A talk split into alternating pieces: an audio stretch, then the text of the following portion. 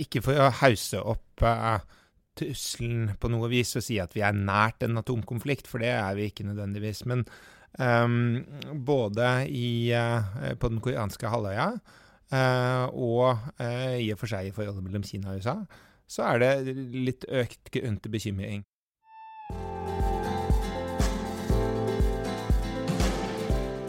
Nupipodden. En podkast om utenrikspolitikk. Det er i ferd med å skje noe i Øst-Asia. Kinesiske kommentatorer argumenterer for å ruste opp Kinas kjernevåpenarsenal, og samtidig øker støtten blant befolkningen i Sør-Korea for å utvikle sitt eget atomvåpenprogram. Hva er det som skjer i Øst-Asia, og er det grunn til bekymring?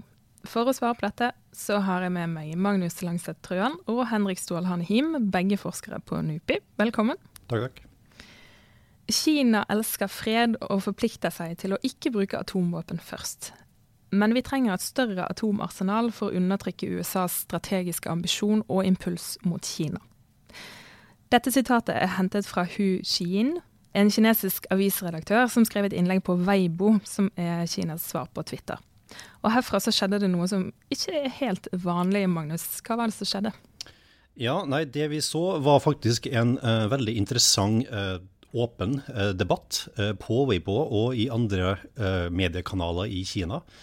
Der både kommentatorer og vanlige nettbrukere deltok og sa sin mening på, om Kinas atompolitikk, som har ligget fast i flere tiår. Uh, og det som er veldig interessant her, er at mange av de kommentatorene uh, stilte seg på ulik side i debatten. Uh, så det vi så, var tidligere offiserer fra Forsvaret, som ikke innehar en offisiell stilling nå, men som ofte deltar i, i debatter i media, gikk ut og støtta Hu Qijin og sa at jo, Kina trenger et større arsenal. Til motsvar kom jo da flere eksperter i Kina som står veldig tett på uh, atompolitikken, uh, men som fortsatt ikke innehar noen offisielle posisjoner. Um, som tok til motmæle og argumenterte for at Kina skal ikke ha noe større arsenal. Det arsenalet man har, er stort nok. og advarte selvfølgelig mot da faren for et våpenkappløp dersom Kina rusta opp. Uh, og det her var jo en debatt som vi sjelden ser, i hvert fall uh, rundt en pågående uh, offisiell politikk. og det skapte også veldig stor oppmerksomhet i Kina. Den, de emneknaggene som er tilknytta debatten, har fått flere titalls millioner visninger mm. på Weibo. og artikler som har blitt skrevet, og ulike kronikker som har blitt skrevet et, i ettertid har også fått veldig stor oppmerksomhet i Kina. Så det er definitivt en debatt som de sjøl eh, synes var veldig interessant å ha et såpass åpent forum. Mm. Jeg, jeg, vil jo tro at det er noe som ligger bak som gjør til at man nå har en debatt om dette, og at eh, flere tar til orde for å ruste opp. Uh, hva, hva er disse årsakene? Ja, Det er jo ikke tilfeldig eh, at den debatten kommer nå. Eh, det er jo selvfølgelig en debatt som den politiske eliten i Kina har hatt eh, internt ganske lenge. nå har de jo kommet fram til at de ønsker å ha arsenalet der det er. og så har det jo da i de siste årene kommet ekstra press fra USA om at Kina må i større grad Eh, være med USA og Russland når man diskuterer hvor mange atomvåpen man skal ha. Eh, og Trump har nå betinga eh, fortsettelse av viktige våpenkontrollavtaler, som tidligere har vært bare mellom Russland og USA. Han har betinga det med at Kina må være med som en tredjepart. Eh, kineserne sjøl føler jo at det kommer litt ut av ingenting, fordi Kina i dag har et anslagsvis arsenal på 300 atomvåpen, mm. mens USA og Russland er i tusentallet. Kineserne ser på USA som en uh, At de fører en, i økende grad en oppdemningspolitikk mot Kina. Uh, og kineserne føler seg litt mer presset mot veggen enn de var før. Og dermed så gir det her litt utspill i, i en mer åpen diskusjon rundt uh, atomvåpenpolitikken sin. Åpen diskusjon i Kina er noe man ikke ser veldig ofte uh, om mange ting. Uh, og det fører jo til at man ofte gjør litt antakelser om hvorfor er det, det her en åpen debatt. Hvorfor blir ikke denne stoppa eller sensurert av myndighetene? Uh, og Det er jo gjerne to argumentasjonslinjer man har der. og Det ene er at enten at det er splittelse i lederskapet i Kina, og dermed at det er uh, dem som ønsker en endring i politikken, går, uh, støtter seg på kommentatorer for å få sine meninger ut i offentligheten. Det andre siden er rett og slett at man ønsker å sende signaler til utlandet. og Det er jo en veldig um, troverdig argumentasjon akkurat nå, at Kina ønsker å sende et signal om at se her, vi kan lett ruste opp hvis det trengs, uh, for å da advare USA mot å fortsette den uh, litt mer aggressive politikken sin. Men det er jo ikke bare i Kina at atomvåpen har blitt mer populær. Tanken om det har blitt mer populær. Um, en meningsmåling som ble gjort i 2017 viste at 60% av sørkoreanerne støtter et atomvåpenprogram. Eh, og Henrik, hva er årsaken til den utviklingen? Det er først og fremst at eh, Nord-Koreas atomvåpennasjonal eh, og atomvåpenprogram har skutt fart de siste årene. Det har vært en veldig sterk framgang i det nordkoreanske programmet. De er veldig nært nå å ha en reell kapasitet. De har kanskje en reell atomvåpenkapasitet allerede. Og det gjør at Sør-Korea eh, ser seg selv som under mye sterkere press enn tidligere. Og I tillegg til den tendensen, så har man tendensen til at sørkoreanerne ser på sikkerhetsgarantien fra USA som potensielt mindre pålitelig. Det skyldes både eh, Trump og hans presidentskap og ting han har sagt om alliansen til Sør-Korea, men i og for seg også eh, atompolitikken til Nord-Korea. Fordi den dagen eh, Nord-Korea har en troverdig evne til å nå det amerikanske fastlandet med kjernevåpen, eh, da vil mange i eh, Sør-Korea i enda større grad enn det de gjør i dag, stille seg spørsmålet ville amerikanerne faktisk ha eh, byttet Chicago eh, mot, eh, mot, Seoul. Kan vi stole på at amerikanerne eh, vil komme til unnsetning i en krise?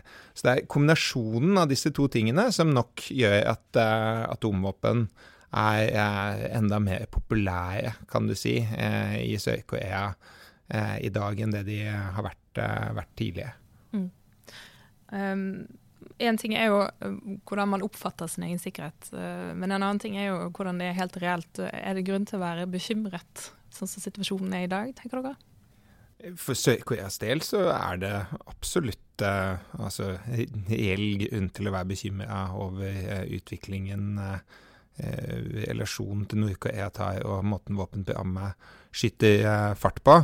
Eh, nå skal det likevel sies at det skal nok mye til før Sør-Korea faktisk velger å utvikle kjernevåpen som svar på eh, det Nord-Korea gjør. Eh, det er nok først hvis eh, alliansen virkelig faller sammen, at den eh, beslutningen blir mer eh, At det blir mer sannsynlig at man tar en sånn beslutning.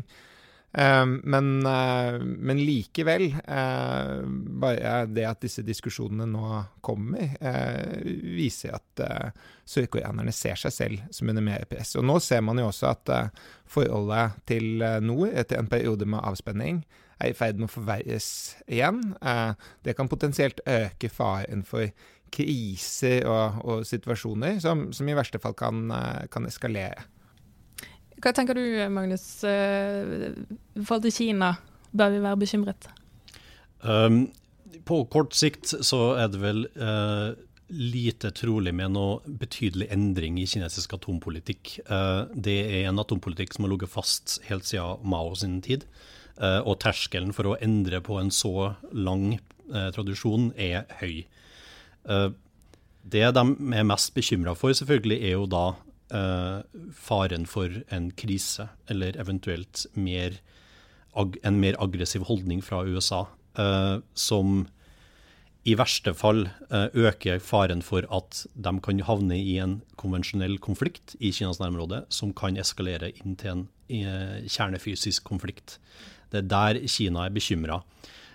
Og en opprustning, en kjernefysisk opprustning i Kina øke faren for atom atomvåpenkappløp, eh, som også kan dra inn andre aktører i Øst-Asia, muligens også Japan.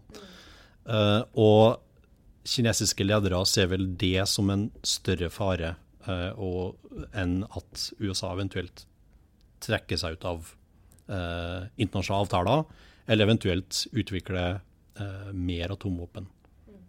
Hvis vi ser på den situasjonen her hjemmefra med norske øyne, den utviklingen som vi ser, hva har den å si for Norge? Den har absolutt eh, potensielt eh, viktig betydning eh, for Norge. Eh, Norge har tradisjonelt vært et land som eh, støtter opp under ikke-spredning som er et viktig prinsipp, eh, og har ikke-spredning av atomvåpen som en viktig interesse.